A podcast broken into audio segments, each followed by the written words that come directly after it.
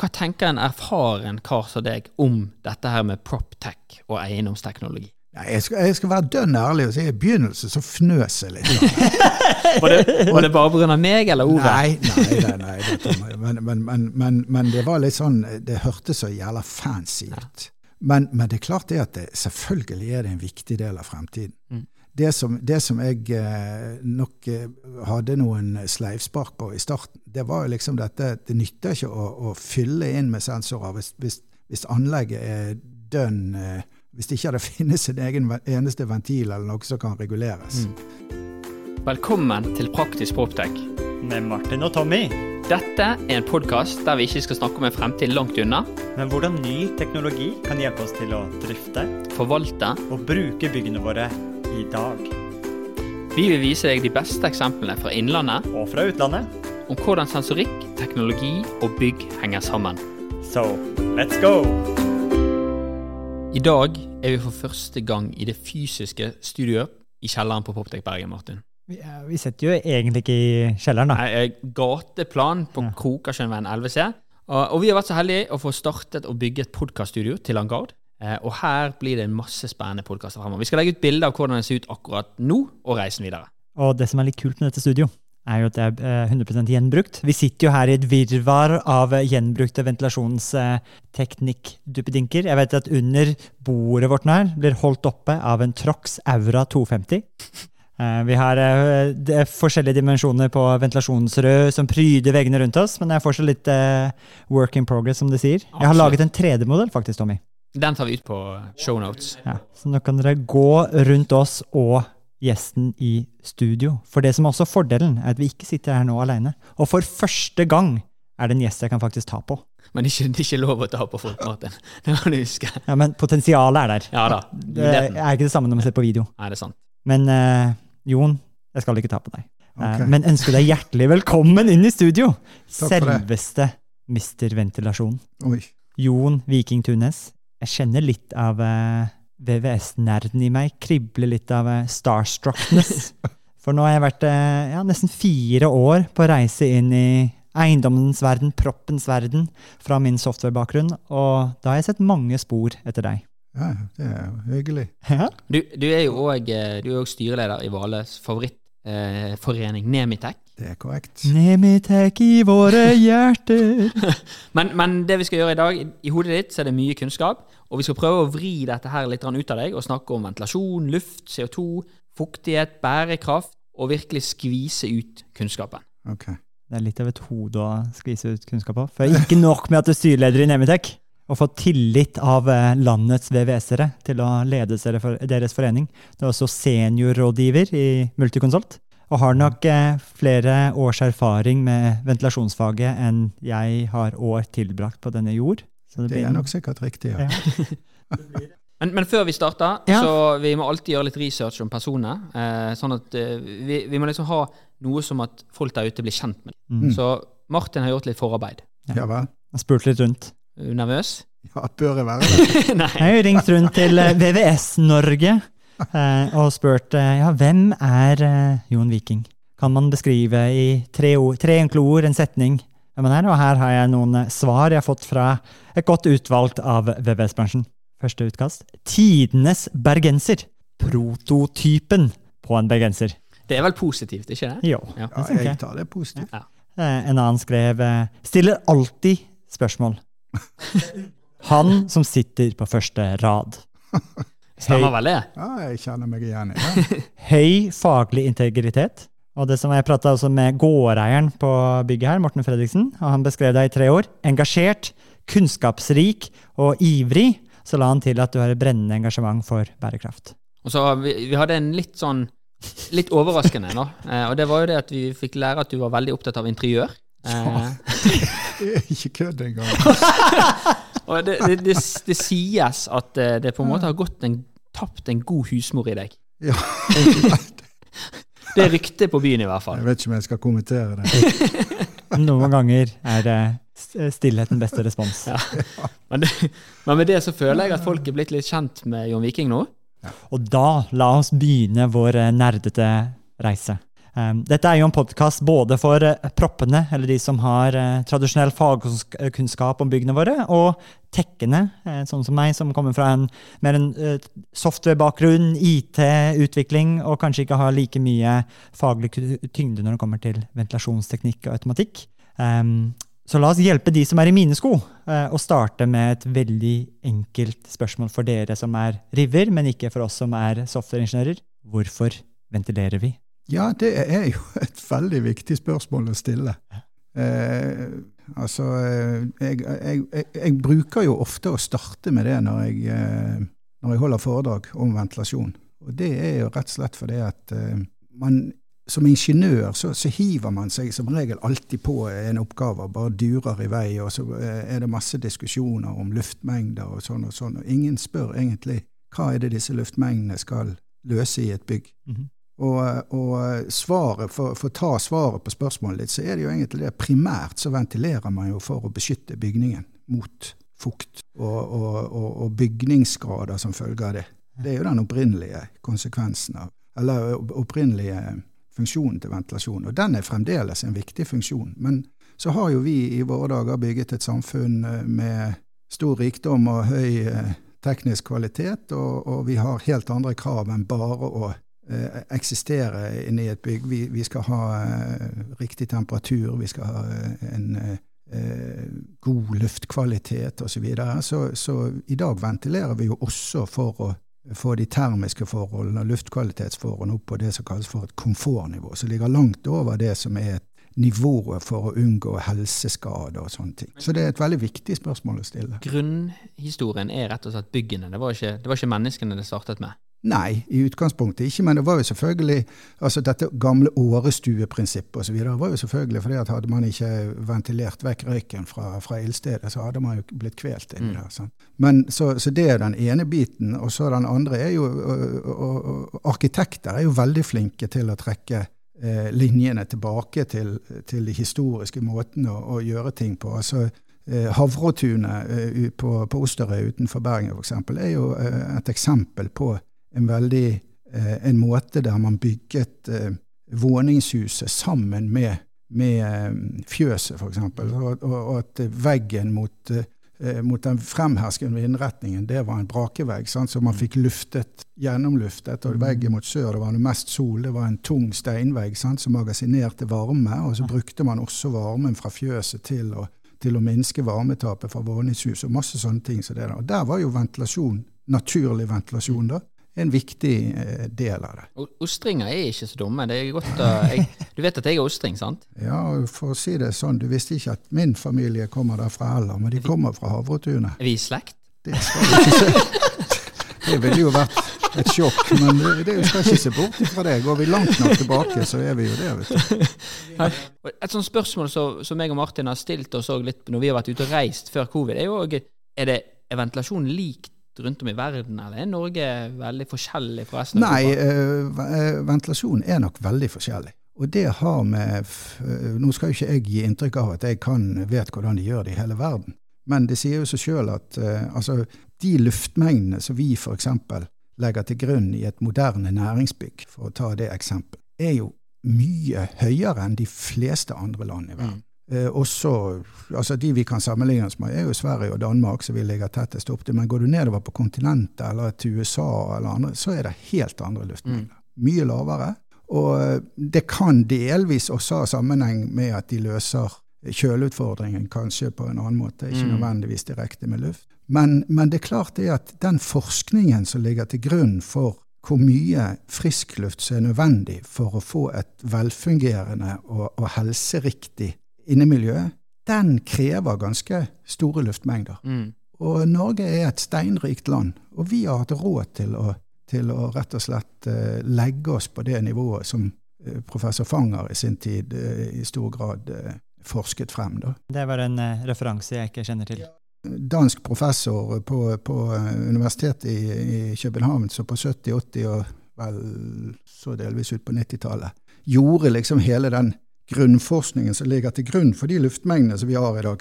Og, og denne, dette OLF-begrepet, som, som, er liksom hvor mye forurensning, eller hvor mye luktstyrke eh, eh, er det i luften, og hvordan skal vi få det? Det er jo hans begreper. Eh, og, og, det ligger til grunn for kravene i TEC. Og, og det som vi, for det er, viktig, det er viktig at vi husker på at den luftmengden, eller de luftmengdene da, som vi sier er nødvendig i et uh, cellekontor eller i, en, uh, i et auditorium osv., det er basert på et såkalt luktkriterium. Det er ikke basert på at luften ikke skal være helseskadelig, eller sånne ting, for vi er langt forbi det. Mm. Det er at den skal være behagelig, den skal oppleves frisk og god. Men det, det er jo litt sånn fascinerende, for det, fra jeg som kommer på en måte fra byggautomasjon, så har vi alltid styrt luften etter temperatur, eller CO2, mm. det er det vi puster ut. Eh, og så husker jeg for, for 16-15 år siden så hadde vi noe forsøk med den berømte VOC-sensoren. Ja. Uh, og jeg vet ikke om det var du som sa det den gang, men det var noen som sa at, at eh, det, det, eneste du kunne bruke den til, var et skjethus. Uh, altså han responderte bra på, på lukt. Hvorfor, hvorfor, måler ikke vi lukt, da, hvis lukt er så viktig? Nei, altså Det var ikke jeg som sa det med skjethus, men jeg kunne godt skrevet under på det. men det, det er rett og slett fordi at jeg ville aldri basert meg på en måler som der jeg ikke egentlig vet hva som måles. Ja, for det er så mye forskjellig. Ja, for det er haugevis av flyktige organiske forbindelser. Men, men, lukt er Altså, den lukten som den menneskelige nesen eh, registrerer, den er ikke så veldig lett å, å registrere med noe annet enn nesen. Mm. Så Fanger brukte jo årevis med, med forsøk med personer. Mm. Som ble på en måte kalibrert på samme måte som man kalibrerer et måleinstrument. Eh, ingen kunne for bl.a. røyke. Altså, mm. Du kunne ikke bruke røykere, for de hadde ødelagt luksesansen sin. Mm. Og så måtte man lukte på stoffer i forkant. Altså, det, det, det, det, var meget, eh, meget vitenskap, altså, det, var, det var høy vitenskapelig kvalitet på forsøkene, og det gikk over mange år. Man luktet f.eks.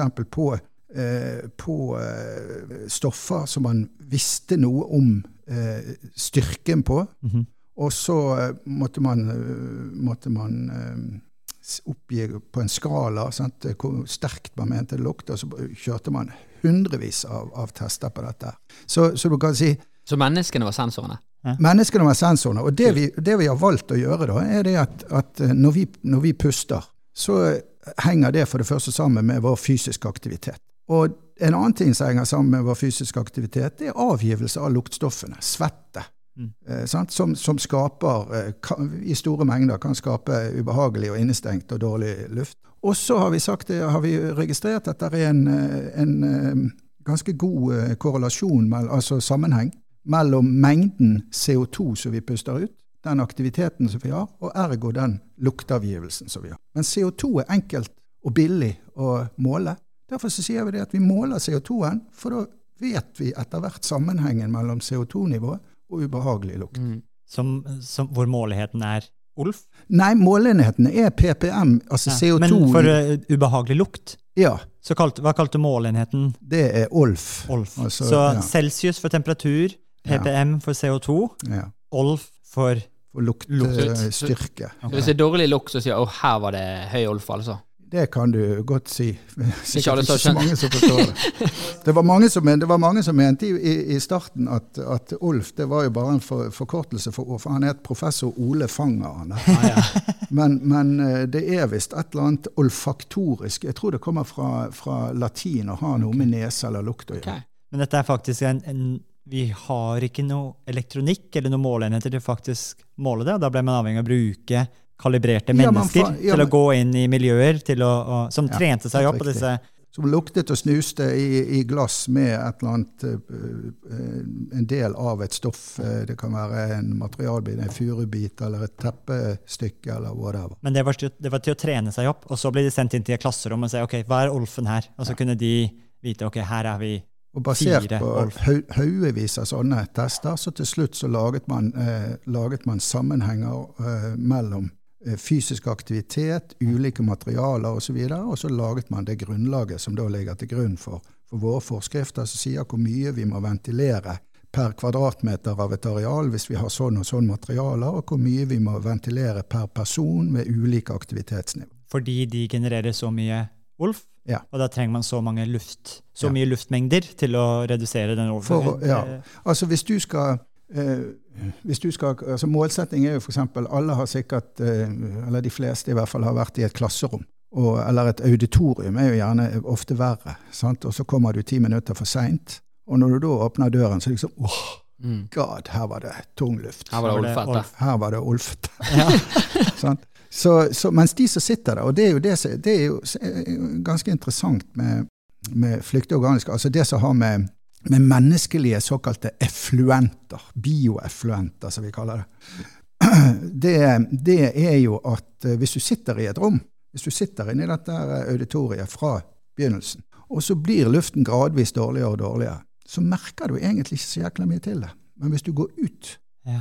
og så kommer inn, så slår det der imot deg, og så setter du deg ned, og så går det et par minutter, og så kjennes det egentlig greit. Men det som jeg er opptatt av, er at vi er klar over at det er et luktkriterium som styrer disse luftmengdene.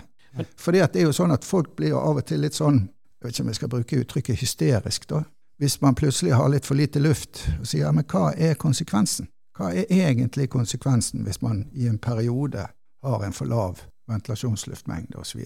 Dette kommer man jo gjerne inn på hvis man skal diskutere noe som er veldig interessant, som går på dette med samtidig. Mm. Det kommer vi inn på. Ja, ok. Da kan vi ta det seinere. Men, men det, er- det, dette her er jo kjempenyttig. Men før, og før vi kommer der, så vet jeg at når meg og Martin var på reise, til, blant annet til USA, Mm. så hadde Martin et spørsmål. For der oppdaget vi noe som var veldig, veldig vanlig. Da var det noe som hadde det var et kult navn, da. Air Scrubbers oppå takene på byggene i USA. Og der hadde de en helt annen gjenbruk De var veldig De, de resirkulerte luften i mye Mm. høyere grad enn i Norge. Eller øh, øh, gjenbrukte luften. Så da hadde vi en Det var vel 20% av luften som gikk eh, gjennom ventilasjonsaggregatene, som var utendørsluft, og Mm. 80% som var eh, renset eh, inne- innendørsluft. Som det bare sirkulerte rundt. ja, og, og, og det, det er jo for så vidt altså, um, Dette er jo ikke noe ukjent i Norge heller. Okay. Men, men er det lov å bruke omluft i Norge? Ja.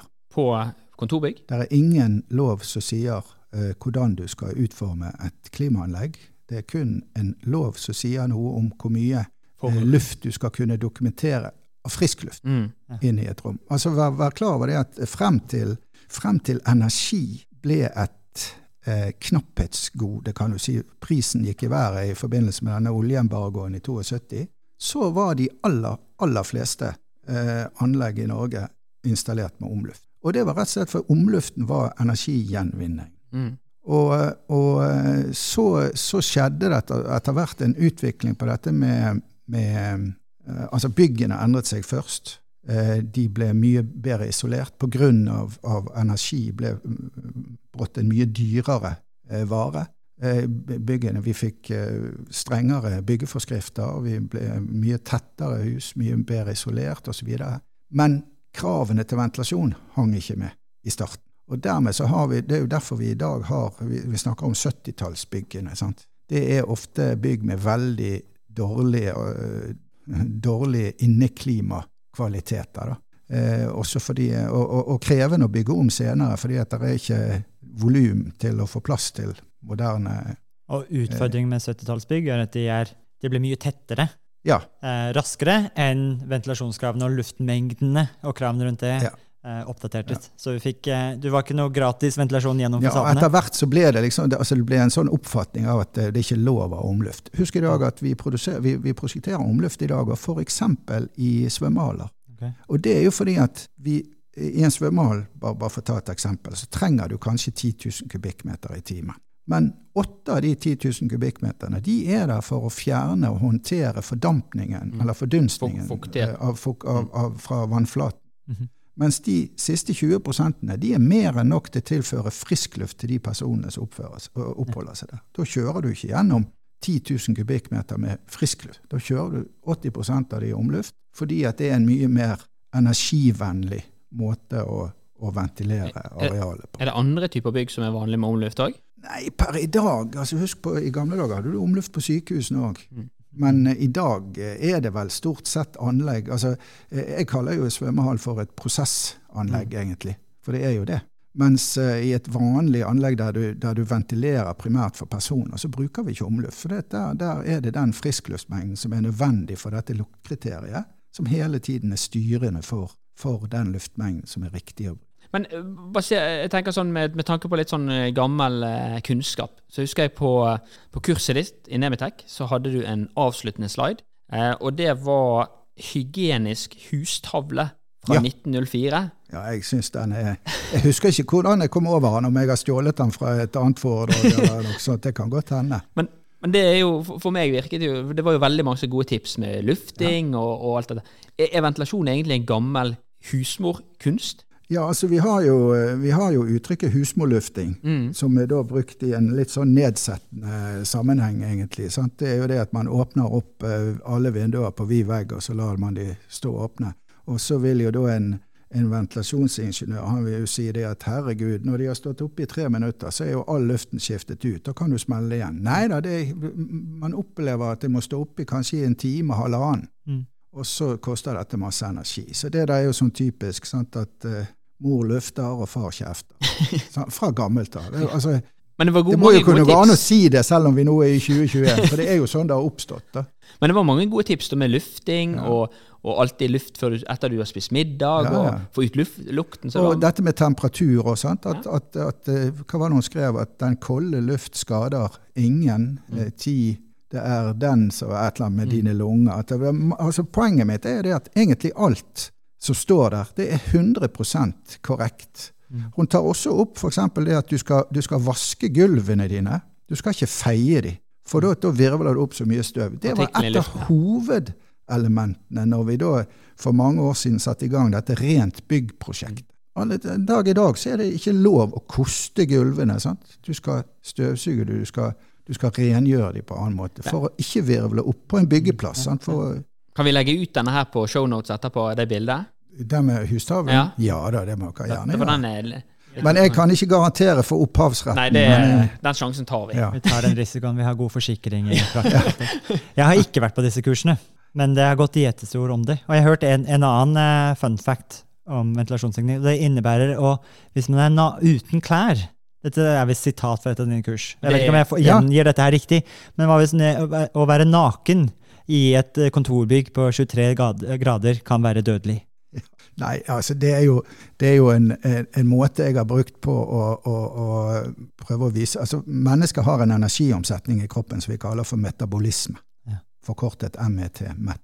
Og poenget er vel bare det at uh, hvis, du, hvis du ikke har klær på deg, og har en såkalt grunnaktivitet der du sitter helt rolig, ligger eh, helt rolig, ikke, ikke har noe fysisk aktivitet, så, så har du en overflatetemperatur på huden din på rundt 27 grader. Og, og, og det jeg pleier å si, det er at hvis du ligger i rundt 25 grader, helt i ro, så vil du sakte, men sikkert fryse i hjel. Okay. Fordi at kroppen har ikke, vil, vil hele tiden tape litt mer energi enn han klarer å produsere. Så det er ikke noe annet enn det du sier, det er et fun fact. egentlig. Det, det. Men eh, apropos fun fact, da. Har ikke du brukt det før nå? Nei.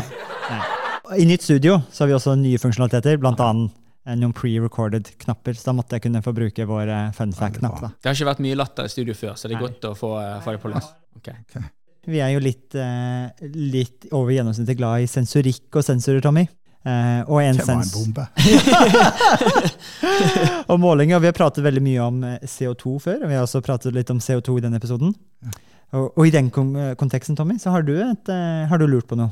Det er igjen en ting jeg bet merke i kurset ditt. For at du startet kurset med å snakke om eh, Eller for, å starte litt før. For at når jeg tenker som programmering, så tenker jeg hvis jeg skal ha 22 grader i et rom, så må jeg vite litt hvor, hvor kaldt er det fra før av. Er det 12 grader, så tar det lang tid. Har jeg 20 grader, så tar det ikke så lang tid. Og det samme er jo litt når, når, man, når man tenker på å programmere VAV-spill skal slippe inn frisk luft. Mm. Det er jo litt fascinerende å tenke på at vi har denne CO2-føleren som vi snakker om, eh, og der har vi gjerne en grense på 800 eller 1000 ppm. Da skal vi på en måte gi full speed. Mm.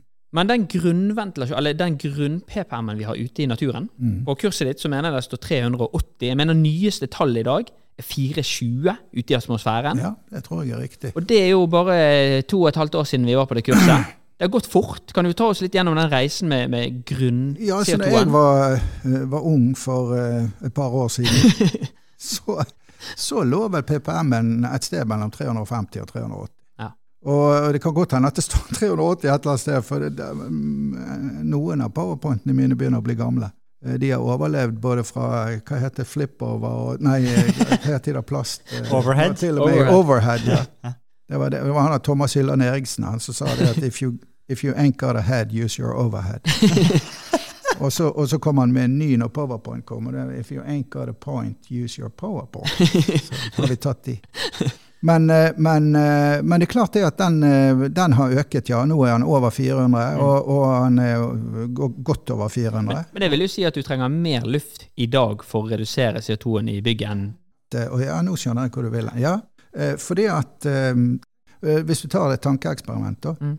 Eh, Hvis du ventilerte eh, med frisk luft, så holdt tusen, Hvis grensen var 1000 ppm, og hvis du ventilerte med frisk luft som holdt 1000 ppm, Mm. så sier det seg sjøl at det ville ikke være mulig Mm. å holde 1000 ppm inni der, så lenge du hadde en kilde. Så, Så svaret på spørsmålet er selvfølgelig ja, det har Mm. en viss betydning. Mm. Og det, Så en utfordring, eller det som bekymrer meg, er kanskje ok, I dag har vi 420, men Mm. det er ikke mange tiår fram i tid hvor atmosfærisk CO2 er prosjektert til å være, eller eh, predikert til å være oppe i 600-700 PPM. Og da blir det en utfordring å ventilere.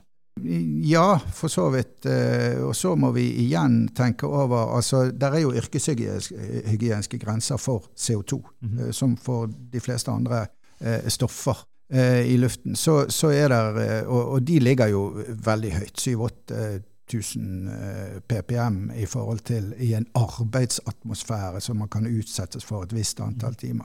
Men så vet man jo også noe om at, eh, at eh, svær, helt andre grader, fra 800 til 1200-1500 PPM, kan gi hodepine og, og ubehagssymptomer hos, hos, en del personer. Men så lenge man ligger innenfor grensen, altså ligger under grensen for sånne helsemessige eh, konsekvenser, så må vi jo huske på det vi startet med. Det er lukt mm. Dette korrelerer mot lukt. Så, så lenge man ligger under de grensene, så er det egentlig snakk om et behagelig ubehagelighetsnivå. Sant? Mm. Så hvor katastrofalt er det om man da innimellom Mm. ligger over? Sant? Det er det man må tenke litt igjennom. Sant? Det er jo ikke sikkert at verden raser sammen fordi om man har 1100 ppm. Han, eh, Joseph Allen, som eh, skrev en bok i fjor, eh, 'Healthy Buildings', har jo vært, gjort mye forskning i USA på hva er påvirkningen av CO2 i seg selv. Ikke som en indikator på lukt eller indikator på eh, tilstedeværelse, men CO2 i seg selv. Hvordan Mm. påvirker det eh, produktivitet og kognitive egenskaper hos elever og, og kontorarbeidere. Så er det, ikke, er det noe Du sier at vi styr, ventilerer for eh, bygningsmassen, vi ventilerer for lukt. Men hva med, hva med ventilasjon for eh, kognitive egenskaper? Er det, ligger det til grunn? Ja, det, altså det ligger til grunn. Og, og, um, og uh, nå skal jo ikke jeg pretendere at dette kan jeg uh, alt om, for det, er- gjort masse forskning på dette i, i mange år som jeg nok uh, ikke har 100 oversikt over. Men, men den, den generelle lærdommen er jo det at når vi, når vi ventilerer ut ifra lukkriteriet, så lenge vi ikke har andre altså Vi ventilerer jo også for, for å holde termikken, altså temperatur og sånt, men da behandler vi det som en prosess Mhm, ved siden av. Altså. Så lenge vi ventilerer tilstrekkelig for, ut fra lukkriteriet til fanger, så ligger vi som regel langt over det som er nødvendig for å sikre oss mot helsemessige konsekvenser av konsentrasjoner av Men det er vel he negative helsekonsekvenser. Men hva med skal vi kalle det eh, positive eh, fordeler ved å ha godt ventilert eh, område? Ja, det er masse forskning. Jeg, jeg, jeg refererer jo bl.a. til, eh, til, eh, til ett eksempel i, i det foredraget som jeg nå jobber med, og som jeg har holdt litt eh, delvis tidligere, som viser at, eh, at både respons og, og, eh, og det som du kaller, kan definere som kognitive egenskaper, altså hukommelse, ytelse, altså intellekt, det var det jeg Mhm. lette etter, intellektuelle ytelser, at de øker. Vi har jo, vi har jo David Wyan fra tidligere langt ned på jeg husker ikke noe 80-tallet, antagelig, som, som gjorde en hel del forsøk og viste, viste hvordan eh, eh, produktivitet til eh, både folk som jobbet med fysisk håndarbeid, og folk som jobbet på kontor, altså med såkalt intellektuell prestasjon, eh, hadde vesentlig sammenheng med f.eks. temperatur.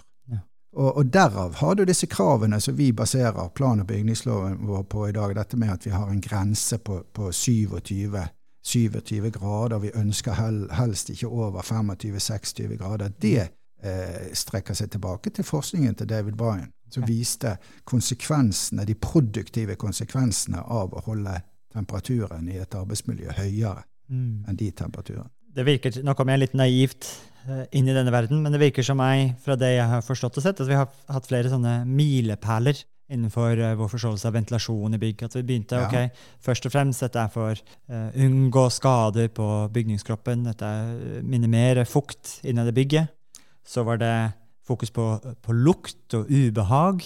Så, var det, så så vi på faktisk temperatur, liksom de termiske eh, forholdene inni byggene i forhold til hva de skal brukes til, påvirker hvordan vi beter oss. Og så vil jeg våge, eller i hvert fall det jeg leser nå, nyere forskning de siste skal vi si, fem til ti årene, har, har man sett på okay, men hva er de parametrene vi har målt i innendørsluften. Hvordan påvirker de i seg selv? Ikke som indikator på de tidligere milepælene, men i seg selv. Hvordan påvirker det vår eh, helse som en faktor, men også våre intellektuell, vår evne til å prestere i et skolemiljø eller arbeidsmiljø. Ja, og den siste der var jo, var jo skjellsettende, rett og slett fordi at eh, når du kunne argumentere med at et dårlig inneklima pga.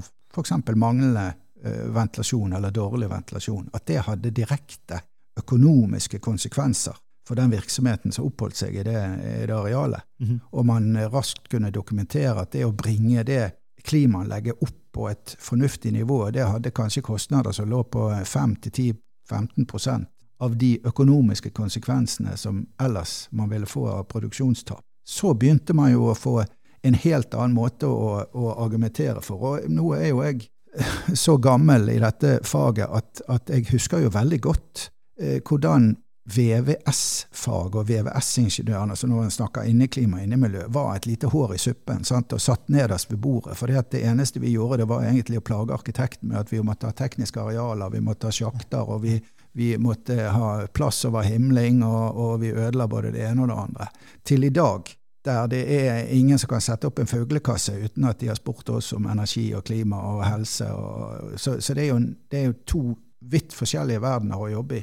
Mm. Og, og, derfor er jeg også veldig opptatt av at vi har et veldig stort ansvar. Mhm.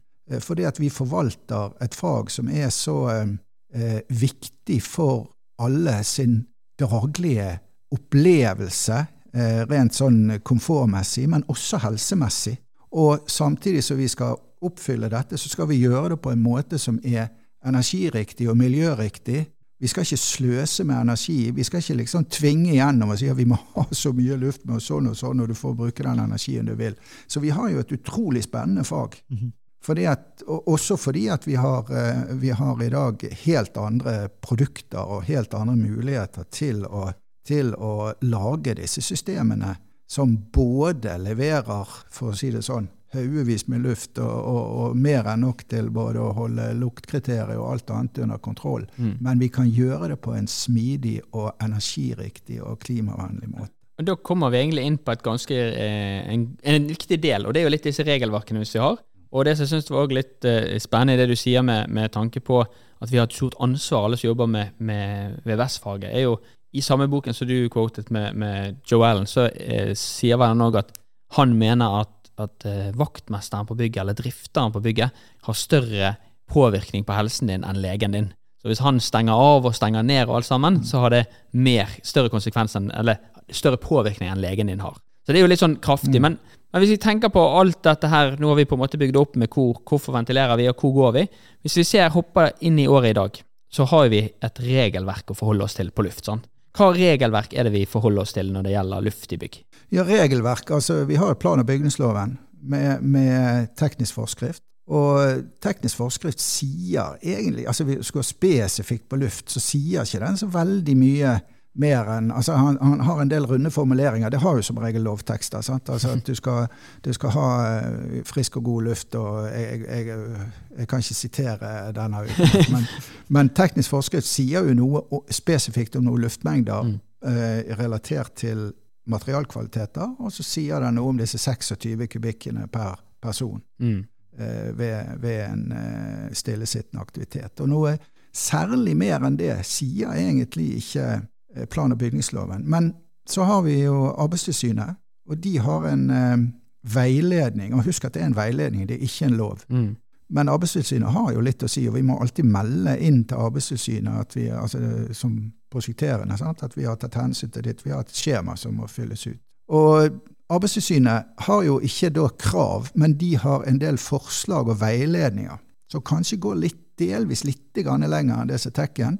Men det beste med 444 er jo det at jeg faktisk eh, eh, anbefaler folk å lese den, for den er ganske god. For de skriver en god del om hva som er utfordringene, og hva vi bør passe på. Mm. Den er vel på en 17-18 sider, og, og, selve kravene er jo bare en bitte liten del av den. Mm. Men de skriver ganske mye bra faktisk i den. Så det er ikke så dumt å lese den hvis man vil skjønne litt grann hva som er viktig å, ta hensyn til i et, eh, i et eh, velfungerende inneklima. Du, du nevnte 26-27 kubikk. Altså, ja, det, det, er et sånt nøkkeltall, eh, kan du si. Hvis, sånn som vi sitter nå, så har vi en, et aktivitetsnivå som vi snakket om i sted, denne såkalte MET-en, på ca. 1,2 MET-MET, altså metaboli, metabolismen. Og, og, hvis vi skal Altså, vi forurenser da med vår lukteavgivelse Eh, sånn at hvis, hvis, hver av oss ventileres for å si det sånn, med 26 kubikkmeter frisk luft, som er da per definisjon luktfri, mm. så vil vi holde den eh, luktavgivelsen i sjakk. Da vil veldig, ikke dette rommet bli eh, oppleves eh, verre. Jeg er veldig imponert over at du kunne mett tallet på podkasting for et menneske eh, ja. på. Så 1, når man eh, spiller en podkast, så avgir man 1,2 ja, Så lenge du ikke hisser deg opp, da kan det øke. Ja. Da er man oppe i 1,4. Ja. Men i, så i dette rommet vi sitter i, den som vi har 3D-skannet nå, som ligger i shownotes, er det kun da 26 pluss 26 pluss 26, eller må vi òg ta høyde for størrelsen på rommet? Eh, ja, som sagt, altså størrelsen på rommet har betydning i et såkalt transientforløp. Mm. Inntil du oppnår eh, en stabil situasjon. Så, så, det er klart det at eh, i dette store rommet som vi sitter i nå, og er bare tre personer, så vil det gå Altså, vi vil sannsynligvis aldri med vår aktivitet her nå komme opp i noe interessant nivå på CO2. for mm. si. Eh, så, så, så, dette rommet er jo eh, Her er jo volumet så stort i forhold til den belastningen som vi utgjør, mm. at her kan vi sitte rimelig lenge, og vi vil aldri komme opp i noe høyt eh, belastningsnivå. Og det, og det er jo et typisk kontor. Ja. Og så er det vel òg definert, og du var litt inne på aktivitet, så det, det, det er vel derfor vi i i, i, Det er vel i tekken vi definerer disse ulike rommene. sant? Et kontor eller mm. Jeg mente jeg løste at det var pølsemakeri. At det var en egen uh... Ja, jeg hadde med på, en, ja. på, uh, på, et foredrag, men det var fordi vi hadde pølsemakeri på, på en skole som vi holdt på med. Er den, er den høyere enn kontor? Ja, den er vesentlig. Ja. ja. Der står det jo med ganske hardt Eller det var et slak, slakte... Altså det var en, de, de, og Der bruker man tre. Altså De har en energiomsetning så det er to-to og en halv gang så stor som en, som en annen elev. Typisk vil også være i et sveiseverksted mm. eh, altså Det er mange eh, undervisningsrom en, på en yrkesskole f.eks. som har et vesentlig høyere aktivitetsnivå. Tyngre, altså bygg og, bygg og anlegg-fag eh, osv. Så, så, så et helt annet aktivitetsnivå. Men så er det jo sånn at i de rommene eller i de arealene, så har man som regel også veldig store volumer i forhold til antall personer. Mm. Og, i, og, i, tillegg så har man eh, gjerne også en hel del andre prosesser. Altså avgivelse av røyk og gass og, og bygningsmaterialer og sånne ting som til syvende og sist kanskje er det som egentlig dimensjonerer mm. luftmengden. Okay. Apropos det, eller egentlig ikke, men jeg vil, jeg vil sørge for at jeg får inn spørsmålet litt. For at vi i starten av episoden nevnte vi samtidighet, og det er et begrep ja, ja. jeg ofte må nikke litt mm, samtidigheten, ja. Men jeg er nok ikke helt dus med hva det innebærer når du snakker om ventilasjon. Eh, jo, det er jo sånn at hvis du har 100 eh, rom i et bygg, så kan du sette det ned, og så kan du ta hvert enkelt rom, og så kan du si at her trenger vi 10 kubikk, her trenger vi 20, her trenger vi 30, her trenger vi 40. Og så summerer du de der til sammen, og så finner du ut det at jeg må ha totalt 10 000 kubikkmeter med ventilasjonsluft per time i dette bygget. Mm. Da har du ikke tatt hensyn til noe samtidighet, da har du bare summert det. Da har du sagt at hvis alle disse rommene har full eh, belastning, full aktivitet hele tiden, så, kan, så trenger jeg 10 000 kubikk for å, for å, ventilere det rommet og holde luften frisk overalt. Og så er det jo eh, mange som eh, Og så er det jo sånn at mange bygg står delvis tomme, fordi folk er ikke på kontoret. Noen er syke, noen er på, i møter andre steder. Nå har ikke det vært så mange. Men, øh, og dermed så begynner diskusjonen. Skal vi, skal vi prosjektere anlegg som da kan håndtere en situasjon som nesten aldri skjer? 100 tilstedeværelse. 100 eh, alle rom aktive. Men bare før, eh, før jeg, jeg tror jeg vet hva spørsmålet Martin kommer til å stille. Og, og før vi tar neste, så, så, så syns jeg noe er litt interessant. For vi har sagt om at vi ventilerer pga. lukt. Men der vi ikke har eh, aktiv kjøling, der vi ikke har kjølebafler i taket, så er det vel Luftmengden er vel dimensjonert etter kjølebehovet i de fleste kontorbygg, ikke Altså, hvordan kom du fram til de 10 000 Ja, vi kommer, Ja. ja. Det, det er også noe som jeg bruker en del tid på når jeg går gjennom dette med ventilasjonsluftmengder. Og det er jo det at når jeg, hvis, du, hvis jeg setter meg ned med et eh, klasserom, f.eks., så, så skal du først eh, eller, eller et cellekontor, eller et, eller et eh, kontorlandskap for den saks skyld. Så sjekker du først hva er personbelastningen. Hvor mange personer er det, hvilken aktivitet eh, skal disse ha? Og ut ifra det så, så definerer du en luftmengde ut ifra kjente sammenhenger mellom ventilasjonsluftmengde og aktivitetsnivå, som vi har vært inne på. Og så sier du at for å dekke det hygieniske ventilasjonsbehovet, altså for å holde den luktgreien fra personen under kontroll, så må vi ha så mye. Og så ser jeg på hvilke materialer eh, er det brukt i dette rommet. her. Og så eh, har vi definert noen eh, Der står noen krav i plan- og bygningsloven, og så har eh, vi som holdt på noen år, også noen erfaringstall som vi gjerne bruker, og sier det at ok, med denne materialbruken så trenger vi så og så mange kubikk per kvadratmeter, og så legger vi sammen de to luftmengdene der.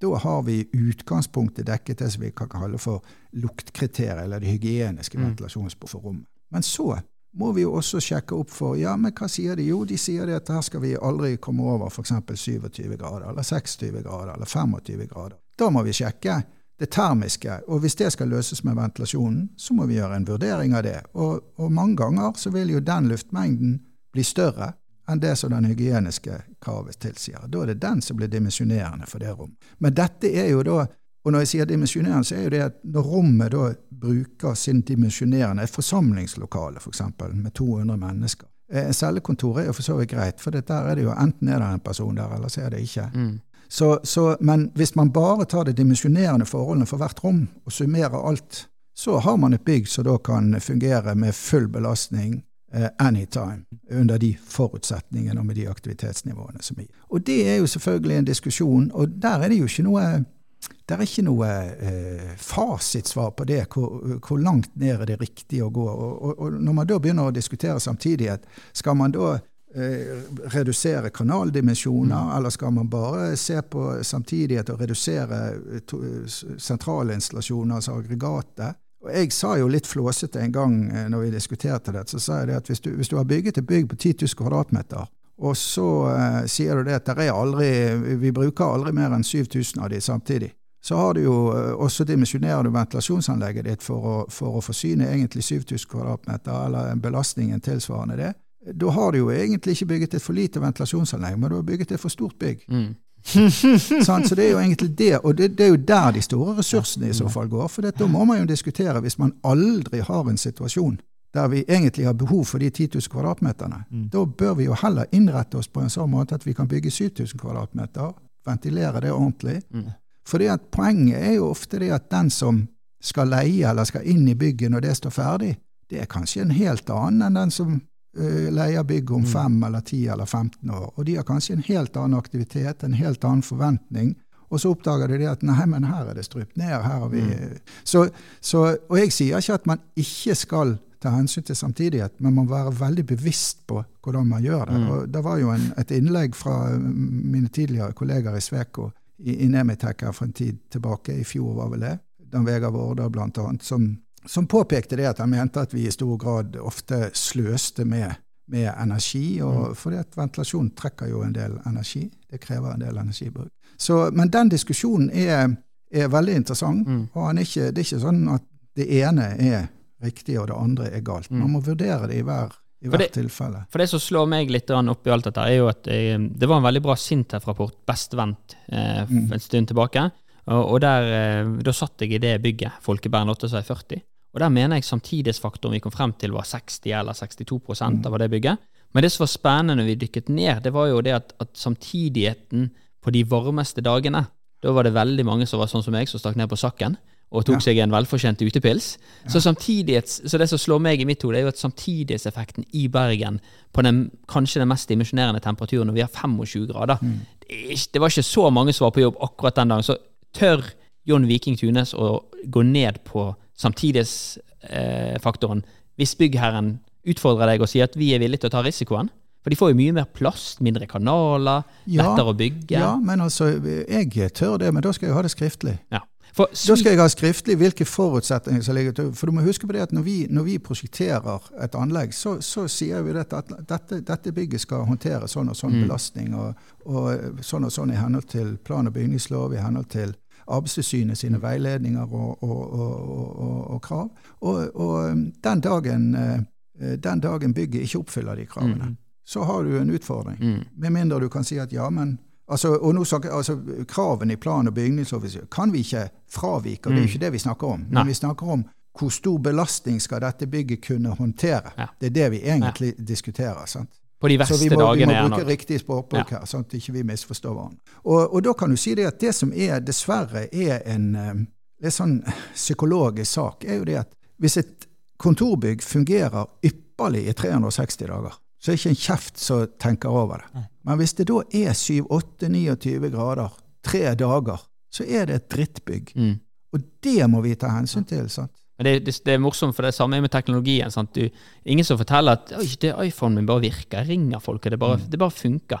Men den ene dagen den henger seg opp, og du må restarte den, så det er det eneste du hører. sant? Ja da. Så, så det er jo, men, men eh, for jeg òg tenker jo det at, at skal vi løse fremtidens bærekraftige bygg vi rive mindre, så må jo kanskje byggherren være med og ta de sjansene. Ja, og jeg syns jo at den diskusjonen Altså, vi har jo hatt en utvikling i Norge. Sant? Som sagt, det er jo litt interessant. Mesteparten av forskningen innenfor dette som går med inneklima, helse osv., har jo foregått i USA. Fra, fra tidligere tider så var det jo eh, NASA og, og det amerikanske forsvaret osv. som virkelig gjorde eh, grunnforskningen på dette. Og så hadde vi Fanger i, i Danmark som gjorde en fantastisk eh, innsats, som sagt. Men kanskje det eneste landet i verden som virkelig har gjennomført det og, og, og lagt seg på uten å skrubbe, det er jo Norge. For de er steinrike, og vi har hatt råd til å gjøre det. Så vi kan godt diskutere Mm. om de luftmengdene vi benytter i dag, er riktig. Mm. Eh, om vi har lagt oss på et komfortnivå som er så eh, høyt, og at kravsnivået vårt er så høyt at vi kanskje bør tenke oss litt om. Eh, fordi at vi er jo som sagt langt forbi det som har med helseskade og, og, og helserisikoer å gjøre. Sant? Vi er på komfortdiskusjon. Og, og eh, altså, vi må jo huske på en annen ting som jeg eh, ofte sier også, er jo det at eh, når, vi, når, når vi har skulle starte på store eh, spennende bygg, eh, type høyskoler, universitet og sånne ting, så, så er det gjerne sånn at, eh, det var i hvert fall før, at eh, prosjektgruppen da på et stadium tok seg en tur rundt for å se på tilsvarende bygg, for å få inspirasjon osv. Så, videre. så reiste man ofte til, til København, man reiste til Tyskland, eh, typisk for å se på store bankbygg, se på, på, på universitetsbygg universitetsbygg og så. Det som var kjedelig, var jo det at i København sant, der, der var de villige til å bruke 80 000 kroner kvadratmeteren på et bygg, når vi brukte 40 000. Mm. Eh, og, i, også, og arkitektene ble jo begeistret for, for det de så i Tyskland osv. Så, videre. så er det at du må huske på det at disse byggene her, de har nesten ikke ventilasjon. Mm. Eh, de gutter som sitter her og jobber, for det var stort sett menn den gangen, de eh, Jeg kan ikke si det på podkast, men altså de, de, Du hører ikke noe fra de om de sitter og svetter i 7-28 grader. De er så happy for å ha den jobben. De har en sånn respekt for sin nærmeste leder og, og, og så videre. Så det er på en måte Det skal ekstremt mye til før det har noe å si. Mm. Hvis vi har litt for lav temperatur i klasserom, så sender, så sender læreren elevene hjem. Eh, hvis vi eh, får det for varmt eller for, for kjølig på kontoret, så klager vi omtrent før vi har tenkt tanken. sant? Og, og, og blir det for varmt, så, så går vi hjem, vi òg. Så vi har, liksom, vi har en helt, et helt annet samfunn, Mm. en helt annen forventning hos brukerne våre. Og vi er jo en del av brukerne sjøl, så dette vet vi jo. sant? Vi, vi, er, vi er ekstremt kritiske. Vi har lagt oss på et enormt høyt nivå. Og det er jo flott at vi kan det, men utfordringen i dag er jo at vi må tenke ressursbruk. Sant? Og det er jo der det spennende eh, hva heter det, krysningspunktet ligger. Sant? Kan vi Jeg kjenner en fargerik person eh, på Mørekysten i Molde, som er en gårdeier. Han sa det var, eh, når det kommer til ventilasjon og luft, sier han, og vi snakker om luftmengder her, det er det vi prosjekterer på og tenker Mm. på når vi snakker om, om bygg og ventilasjon, så er det først og fremst luftmengder. Men som han sier det så fint, da, jeg bryr meg vel ikke om luftmengder, jeg skal bare ha god nok luft. Ja. Og litt av utfordringen han egentlig kommer med, er da kan vi ikke da istedenfor å prate om luftmengde, heller være mer sensordrevet og nivådrevet og si ok, så lenge vi greier å opprettholde disse nivåene, så er det nok luft. At vi istedenfor å legge liksom mengdene til grunnen hele tida For det er jo ofte det man svarer med. Ja, men her er det nok luftmengde inni det rommet etter hva som er prosjektert, eller hva som er kravene. Istedenfor å si ja, men vi har opprettholdt god temperatur, god CO2, og kanskje i de tilfellene, hvis vi blir enes om det, gode VOC-verdier. Ja. Og det er, jeg, det er, jeg, jo helt enig i, og det, det er for så vidt også noe som jeg eh, bruker Altså, luftmengden i seg sjøl er jo egentlig uinteressant. Mm. Det er jo som du sier, det er jo den luftkvaliteten som du skaper i, i rommet til enhver tid, det er jo den som betyr noe. Og når vi snakker luftkvalitet, så snakker vi om uh, snakker vi om luftens renhet uh, definert ved, ved CO2-nivået, gjerne sant, som, en, som en indikatorstørrelse, og, og, temperaturen, primært. Det er jo, det, det er jo de to hovedelementene. Så, så, uh, det er jeg jo helt enig i. Altså, og, og, en annen ting er jo det at derfor så bruker jeg jo som regel også litt tid på å å se på luftstrømninger i rom. Eh, hvordan luften beveger seg og, oppholder, eh, og oppfører seg. For det, at, eh, det, er jo den luften du puster inn. Altså, det hjelper jo ikke at du, at du smekker inn 1000 kubikk i, i en, en, ventil oppe i taket, og så kommer den luften aldri ned her, mm. fordi den rusler langs himlingen og så bort i avtrekket. Dette, dette, dette, er jo et veldig viktig tema. Det jo, og når jeg startet å programmere bygg, så husker jeg det var en som sa til meg at, at for det, da var jeg gjerne av den oppfatningen som jeg, jeg, tror mange der ute tror ofte at ventilasjon er oppvarmingen. Sant? det er litt kaldt, vi øker et settpunktet mm. på, på tilluften. Men den gangen lærte jo jeg at, at et ventilasjonsanlegg er alltid et kjøleanlegg. Og så er det kommet Linn-event og, og, litt mm. ventilasjonstyper som, som, kan gjøre dette, eller kasteventiler og sånn. Men kan vi si at i 95% av alle tilfeller der ute så skal tilluften være undertemperert? Kan du fortelle oss litt om det? Ja, altså det har, jo, det har jo med hvordan luften beveger seg i rommet. Altså hvis du, de, I de fleste komfortsammenhenger, altså kontorer eh osv. Med, med normale takhøyder, så tilfører vi jo friskluften ved tak. Mm. Og, og, eh, da er det jo viktig at den kommer ned her så vi sitter og, og beveger oss, før han går ut igjen av rommet. sant? Vi må jo òg ta høyde for hvordan luften kommer inn i, ja. i bygg for å beregne riktig vi forstå, Ja, vi må forstå hvordan luften beveger seg, mm. og, som, og, hvordan vi eh, og, og, da kommer vi også inn på det som dere er, er veldig opptatt av, nemlig sensorikk. Mm. Ja. For hvor skal du plassere disse følerne? Ja. Ja. Egentlig så burde vi jo hatt sånne personlige følere som satt på, på øret til hver enkelt. Det er, ikke, det er ikke lenge til nå? Nei, jeg er helt sikker på at vi etter hvert så får vi antagelig en sånn der multichip eh, innoperert ved fødselen, antagelig. Mr. Proptech eh, Tommy. Sensorikk. Ja. Og dette her er jo bra, for nå kommer vi inn i kjernen av praktisk proptech. Og det, ja. det, som er spennende, er jo å høre Du bruker jo ordet 'erfaren'. Eh, hva tenker en erfaren kar som deg om dette her med proptech og eiendomsteknologi? Jeg, skal, jeg, skal, være dønn ærlig og si i begynnelsen så fnøs jeg litt. var, det, var det bare pga. meg eller ordet? Nei, nei, nei, nei men, men, men, men, det var litt sånn Det hørtes så jævla fancy ut. Men, men, det er klart det at det, selvfølgelig er det en viktig del av fremtiden. Mm. Det, som, det, som, jeg eh, nok eh, hadde noen sleivspark på i starten, det var jo liksom dette Det nytter ikke å, å fylle inn med sensorer hvis, hvis, hvis anlegget er dønn eh, Hvis det ikke det finnes en egen eneste ventil eller noe som kan reguleres. Mm. Så det er klart det at i et altså, Du nevnte dette bygget som vi sitter i her nå, sånn 20 år gammelt, med VRV og hele pappen. Ja, selvfølgelig her kan man gjøre masse. I et mm. gammelt bygg uten en eneste motorventil eller med eh, FB40 eller 50, mm. som du nevnte, mm. ble bygget på 70-80-tallet. Mm.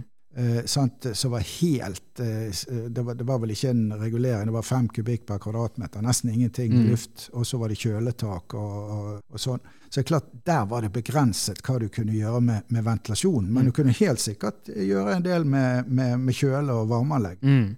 Ja, det så, så, det er klart det at eh, det, det som er utfordret, eller det som jeg ser er fantastiske muligheter, er jo det der med altså Når sensorene blir så billige at du kan plassere de ut overalt mm. og skape nærmest uh, på å si tredimensjonale bilder mm.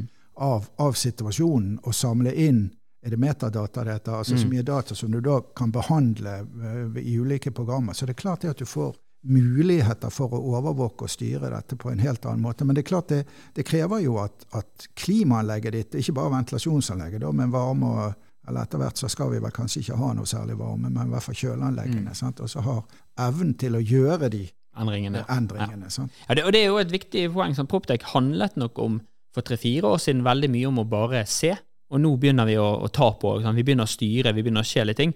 Og det er litt artig når du sier 3D-modell og sånn, for at i det som vi gjorde her når vi snakket i starten, var jo at eh, Daniel gikk rundt, lagde en 3D-modell.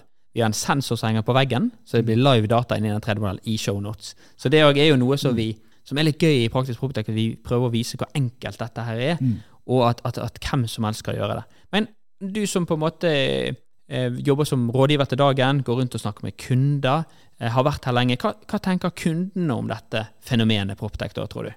Det aner jeg egentlig ikke, men, men, eh, men jeg vil jo tro at eh, når de har snakket med deg i fem minutter, så er de overbegeistret. Nei, men det er klart kundene de er vel egentlig eh, som alle oss, altså Vi er jo alle kunder på et vis. Og det er klart det at hvis, hvis vi får presentert noe som, som, som gjør at her kan du spare penger, her kan du få bedre inneklima, innemiljø, du kan få bedre drift av bygget ditt, ja selvfølgelig så er jo det noe som man er interessert i. Mm. Eh, Det som jeg er veldig opptatt av, er at det, det må eh, Men det har jo du allerede sagt. sant? Altså, Man må spille sammen. Mm. For å hoppe litt tilbake til det som vi diskuterte i sted. Hvis du, hvis du smekker inn en, en, eh, en sånn eh, sensor, så finner du ut ja, men jeg setter den i avtrekkskanalen. Mm. For den måler jo selvfølgelig luften fra dette rommet. Mm. Og så, og så opplever du det at her er det jo fantastisk. Her kan vi redusere ventilasjonsluftmengden. For det er jo, det er jo, det er jo 500 ppm inni her. Er jo helt suveren. Og så sitter det ti stykker her nede og, og hoster og harker og har det helt jævlig. Fordi at den friskluften som kommer inn her oppe, den går jo rett i avtrekkskanalen. Mm. Den kommer aldri ned der. Nei. Så da måler du noe annet enn den luftkvaliteten som du er ute etter å styre. Så det du sier, er at du vil ha én sensor i rommet og en i avtrekken? Ja, det, Dobbelt ja opp. men det, det og, og når, etter, når sensorene koster lite, så gjør du selvfølgelig det. For det, da kan du faktisk si noe om ventilasjonseffektiviteten i rommet. Helt enig. Så plasseringen av følerne, enten det er trykk eller temperatur eller CO2 eller hva som helst, den er faktisk helt avgjørende. Skal jeg fortelle en liten fun fact om akkurat dette her? Vi har jo, På tilløpstemperaturene så har jo vi alltid målt på aggregatet. Det vi har gjort med alle disse mikrosensorene, er jo sett at den temperaturen fra aggregatet og inn til rommet, Mm. Den kan jo ha økt med 1-2 grader. Ja, rundt i altså. For rundt i byks, nå har vi faktisk tatt det. Nei, men, men jeg tenker det at, at eh, jeg tenker det at eh, litt sånn som du sier, da, jo mer jo billigere dette her blir, jo mer kommer vi til å måle.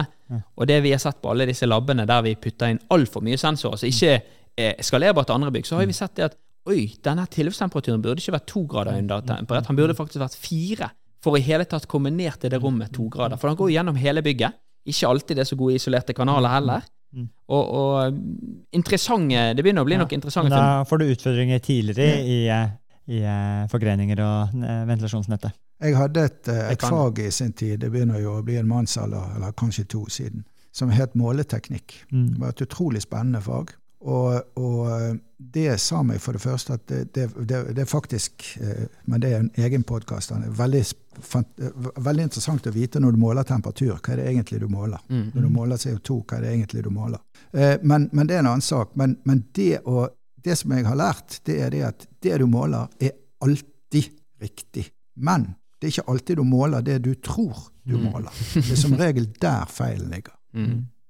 Det CO2-nivået som du måler i den avtrekkskanalen, det er sikkert ganske riktig, det fordi de her følerne er kjempegode. Men det er ikke det CO2-nivået de nivået du er ute etter. Vi, vi, hadde jo, vi hadde jo Camilla Heimer i, Andersen i studio, og hun viste jo til med Sintef at topp fem feil, en av de viktigste der, tror det var på tredjeplass, det var jo faktisk feil plassering av CO2-sensor. Ja. Ja, Vi skal jo alle snart opp til eh, Lofoten. ja, det skal. Har du vært der før? Eh, ja, faktisk. Det er fantastisk. Eh, men det vet jo alle at det er fantastisk natur. Jeg, jeg var der i forbindelse med et, eh, et, eh, altså at jeg satt i styret i RIF, Rådgivende Ingeniørers Forening. Mm. Så og vi skal jo da, men nå- i denne gangen så er det med VVS-foreningen. Nemitek, Svolvær, 6. til 9. oktober, nordnorske VVS-dager. Og jeg håper at det blir eh, noe fuktig bevertning der på kveldstid. Det er Tenker du på luft nå, Men, eller? men jeg tenker, akkurat, apropos fuktig bevertning, hva er dine tanker rundt eh, befuktning av ventilasjonsaggregat? For det har vært et tema som har vært diskutert nye nå i siste ja. pandemiåret. At Ja, da. eh, fuktigheten kunne bremset spredningen av det, virus. det er riktig, og det var jo det var for så vidt noe som jeg reagerte litt på. For jeg mente at der tok Tommy litt av i forbindelse med Han liksom tok en sak der. Altså, eh, Jeg pleier å ta litt av, så det er ja, helt riktig. Jo, jo, men det, det er flott med engasjement. Eh, men eh, jeg vil svare litt todelt. Mm. Altså, eh, I og med at jeg, jeg har den rollen i Nemitec, så har jeg også eh, sittet eh, og, og fulgt med på en såkalt europeisk task force innenfor så sett på Må man gjøre noe med, med ventilasjon i, i, i kjølvannet av, av lærdommen fra covid. Det som har slått meg, er Du spurte i sted det er stor forskjell på Norge og andre land. Ja, det er stor forskjell på Norge. Når jeg ser hva de foreslår, så liksom ja.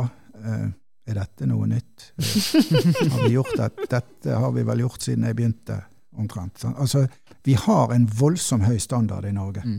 Mye høyere enn vi eh, overhodet er klar over. Og nå snakker jeg i forhold til våre Luftmengder, sant? Hæ? Nå snakker du om luftmengder, da. Ja, nå snakker, nei, nå snakker jeg om kvalitetsnivået på hele installasjonen vår. Altså tekniske installasjoner generelt i våre bygg. Og, og, um, og da sammenligner jeg med land som Tyskland, Nederland, Frankrike, Belgia. altså de store, ledende europeiske nasjonene. Så bare, bare vær klar over det. Når det gjelder befuktning, så brukte man det til en viss grad tidligere, typisk på sykehus. Museum? Fordi, ja, ja, men er, altså på museum er det litt spesielt, for der er befuktning et krav ut ifra en prosess for at utgravde, typisk utgravde eh, eh, items, Gjenstander. gjenstander, ja, herregud, eh, Det eh, ikke skal at tørke eh, ut. Iren må rette bergenseren. Ja. Jeg- kom bare på items. Det var jo vanvittig. Men ok. Eh? Så det er en prosesskrav.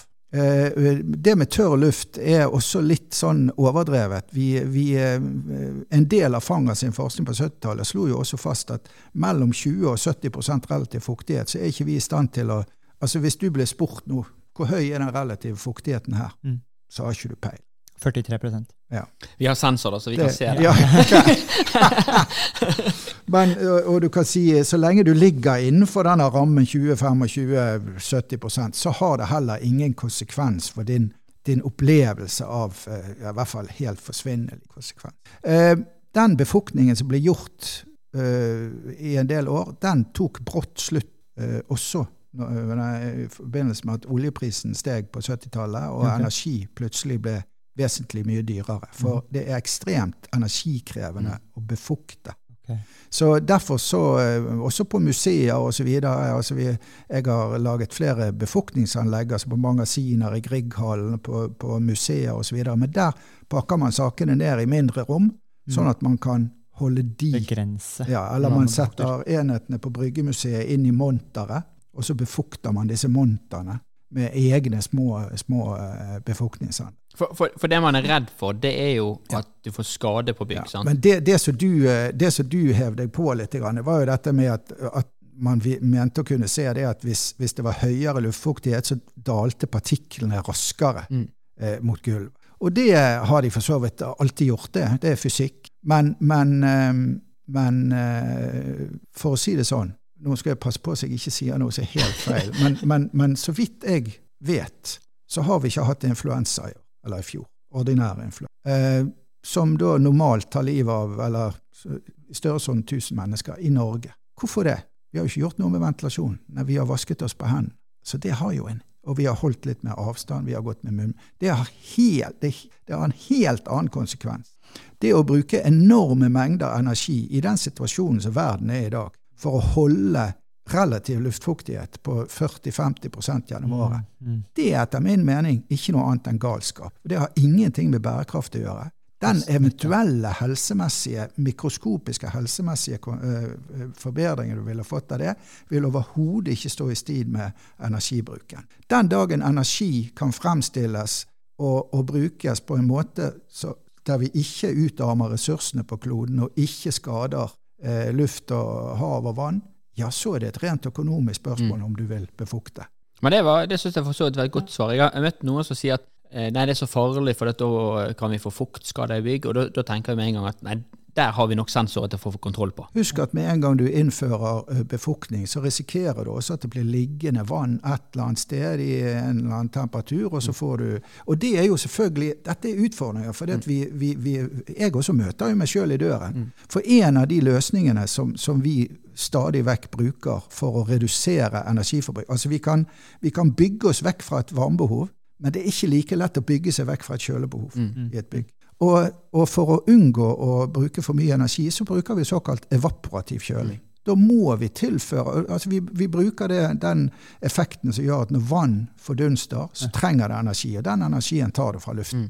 Og dermed så kjøler vi energi bare ved å sprøyte litt vann inn i luften, istedenfor å starte en kjølemaskin med, med, med ammoniakk eller et eller annet sånt. Og isolert sett er jo det en fantastisk sak. Det er en ren termodynamikk. Og, og etter hvert så, så, har vi vel utstyr så vi mer eller mindre kan dekke 100% av et næringsbygg i Norge sitt, sitt kjølebehov med så. den måten. Men det er klart, utfordringen er at vi må passe på, fordi at vi får vann inn i ventilasjonsanlegget. Og da må vi serve det og, og, og, vedlikeholde det på en måte som gjør at ikke det blir liggende vann i dette anlegget, der vi kan få bakterievekst og, og groing og sånt. For nå, eh, nå, er du inne på adiabatisk kjøling. Ja. ja. Evaporativ slash adiabatisk. Ja. Det er jo, kan du bare ta veldig, sånn ett minutt veldig veldig kjapt. Hva er adiabatisk kjøling? For det tror ikke jeg er så mange som vet om.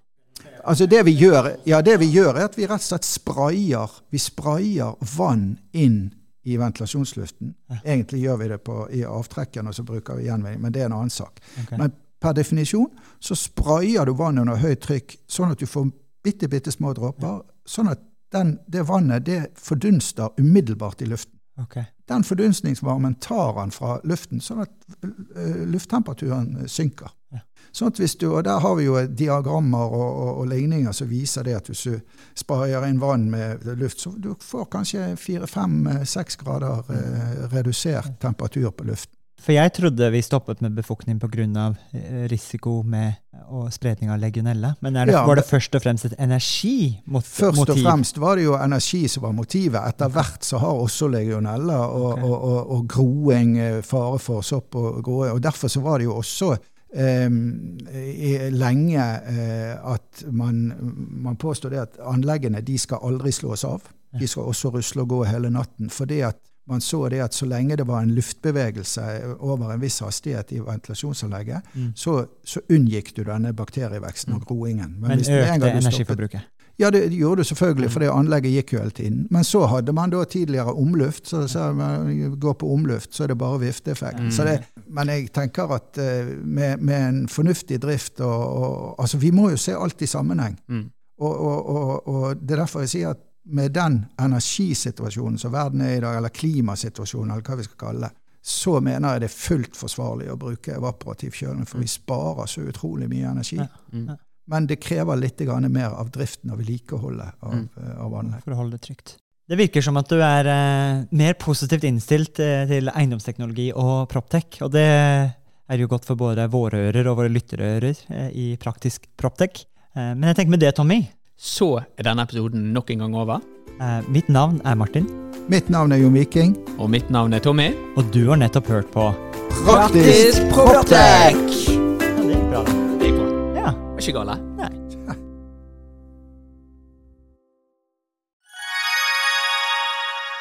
Da dere er 2024 i gang, og et av høydepunktene på starten av året er jo sett sammen et årshjul, og det har vi også gjort, Tommy. Ja, Akkurat nå sitter jeg og ringer rundt 25. og 26. april, for da skal vi på FTV-kongressen. Og det blir litt ekstra spesielt i år, Martin. Det var jo veldig spesielt i fjor òg, for jeg husker det vakre øyeblikket når eh, du og Magnus fra FTV-kongressen eh, preiket sammen og egentlig unnfanget og satt sammen en god idé. Og det var jo invitasjonen til eh, Proptech-dugnaden, som også blir et høydepunkt i år, ikke sant, Magnus, på FTV-kongressen 2024? Jo, det stemmer det. Vi setter godt med plass i år til, til dugnaden en eh, god og sprø idé for å sette praktisk proptech ut faktisk i livet og uh, vise hva vi får til, ikke bare fortelle. Det var, jo, det var jo veldig gøy, for jeg husker da jeg skulle pitche dette til deg, så tror jeg du avbrøt meg og bare sa 'vi er med'. Og når vi var på dugnaden, så sa du òg at Tommy, dette her må vi ta med oss tilbake på FTV-kongressen. Vi må jo praktisk få dette vekk fra Powerpoint og vise praktisk hvordan vi har gjort det. Og det syns jeg blir litt spesielt i år, at det blir jo for meg en liten reunion av det som skjedde der ute. Men, men uh, FTV-kongressen er vel mye mer enn en, bare en reunion òg? Jo da, det er en møteplass for uh, FTV Norge, og vi ønsker å skape det til en, en god møteplass for FTV Norge, som, som, tross alt tar vare på Norges største fastlandsnæring. Og da skal, vi, da skal vi ha en god arena å møtes for å se på felles uh, utfordringer og problemer, men ikke minst hvordan vi kan løse ting fremover. Og så blir uh, dugnaden en sånn bekreftelse på hvordan vi faktisk kan gjøre det, istedenfor å stå og bare høre om hvordan vi kunne ha gjort det. Det er veldig kult. Og januar er jo en gavemild måned, så hvis du brenner for bedre drifting av bygg, så kan du få med deg en liten eh, rabattkode her også, så møtes vi kanskje 25.-26. april på Tung kongress Gardermoen. Og den rabattkoden er ikke vanskeligere enn Praktisk Proptek med små bokstaver og uten mellomrom. Praktisk Proptek. Praktisk Proptek, små bokstaver, ingen mellom ett ord ftvkongressen.no. Der ser du programmet. Det blir oppdatert i disse dagene, og så møtes vi i april. Vi... Vi ses!